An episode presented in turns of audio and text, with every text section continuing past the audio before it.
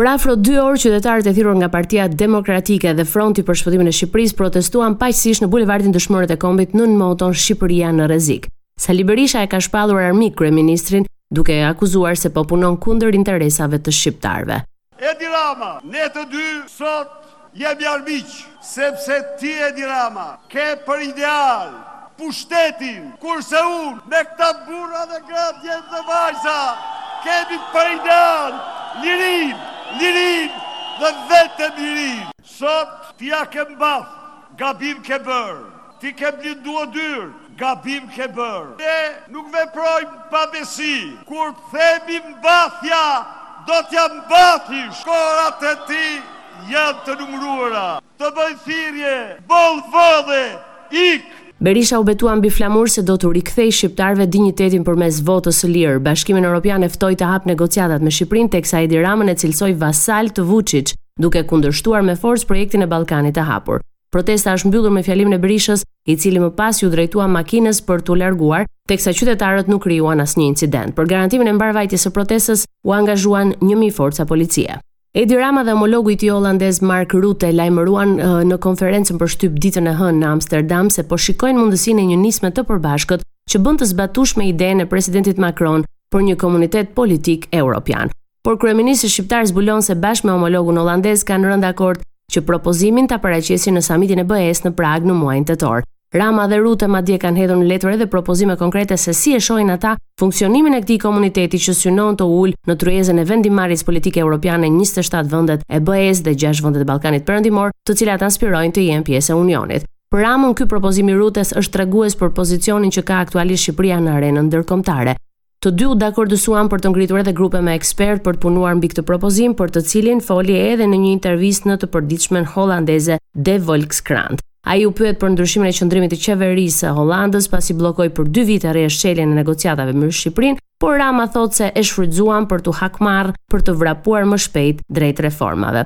I pyetur se çfarë duhet të bëjë BE-ja me Serbinë që një këmbë e ka në Rusi dhe sapo ka nënshkruar një kontratë nafte me të këto ditë, Rama përsërit se duhet patur kujdes, nuk duhet të ushtrohet presion mbi të, pasi dihet që nuk mund të heqë dorë nga varësia kryesisht nga gazi rus. Ballkani mbetet një zinxhir i pambrojtur për kryeministrin shqiptar dhe lufta në Ukrainë mund të prishë lehtësisht stabilitetin, madje të çojë në një konflikt të hapur. Nga data një korrik paga e gjithë punonjësve të shëndetësisë dhe atyre të arsimit parauniversitar do të rritet me 6%.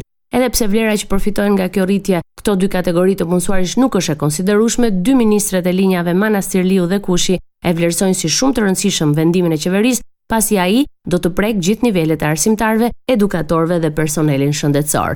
Në vendimin e qeverisë përfshihet edhe rritja e vlerës së pagës për orët jashtë orarit për mësuesit e sistemit parauniversitar, të cilët japin mësim mbi normat, mesatarisht me dhjetë për qind. Matura e vitit të ardhshëm pritet të ketë ndryshime, kështu ka lajmëruar ministri i Arsimit Kushi gjatë takimit me komunitetin e maturës shtetërore, mësues dhe drejtues të institucioneve arsimore.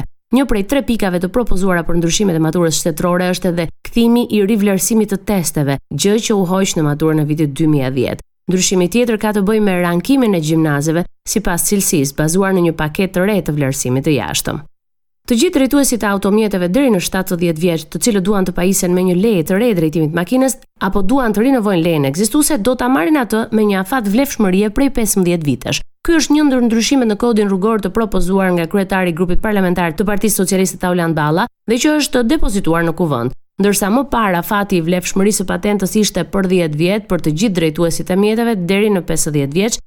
dhe pesë vite për ata mbi këtë moshë. Tashmë me këtë propozim ky afat zgjatet deri 15 vjet.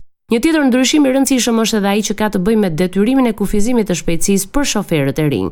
Kështu, drejtuesit e rinj deri në 3 vite nga marrja e patentës nuk do të mund të qarkullojnë në autostrada me më shumë se 80 kilometra në orë, ndonëse në disa akse shpejtësia maksimale është 110 kilometra në orë. Me shpejtësi më të reduktuar, kjo kategori do të lëvizë edhe në rrugët interurbane. Sipas propozimit, maksimumi që mund të të lëvizet në këto akse është 70 km/h nga 90 që është limiti. Deputetët e grupit parlamentar socialist propozojnë që shoferët e autobusëve, kamionëve apo transportit publik mund të drejtojnë mjetin deri në moshën 70 vjeçare nga 65 që është aktualisht. Kryeministri Edi Rama ka publikuar në Facebookun e tij pamje nga ceremonia e inaugurimit të hapjes për qarkullim të rrugës së re Kardhiq-Delvinë dhe të tunelit të Skërficës. Një aks i ri i Shqipërisë i cili shkurton me 45 minuta udhëtimin drejt Sarandës, duke rritur sigurinë rrugore, si dhe duke ofruar një tjetër spektakël të natyrës shqiptare, shkroi Rama. Tuneli i Skërficës ka një gjatësi prej një pikë tre kilometrash i shoqëruar dhe me tunelin e emergjencës me gjatësi gjashtëqind e shtatëdhjetë metra, sipas të gjitha kushteve të sigurisë. Raportoi nga Tirana për Radio SBS, Gerta Heta.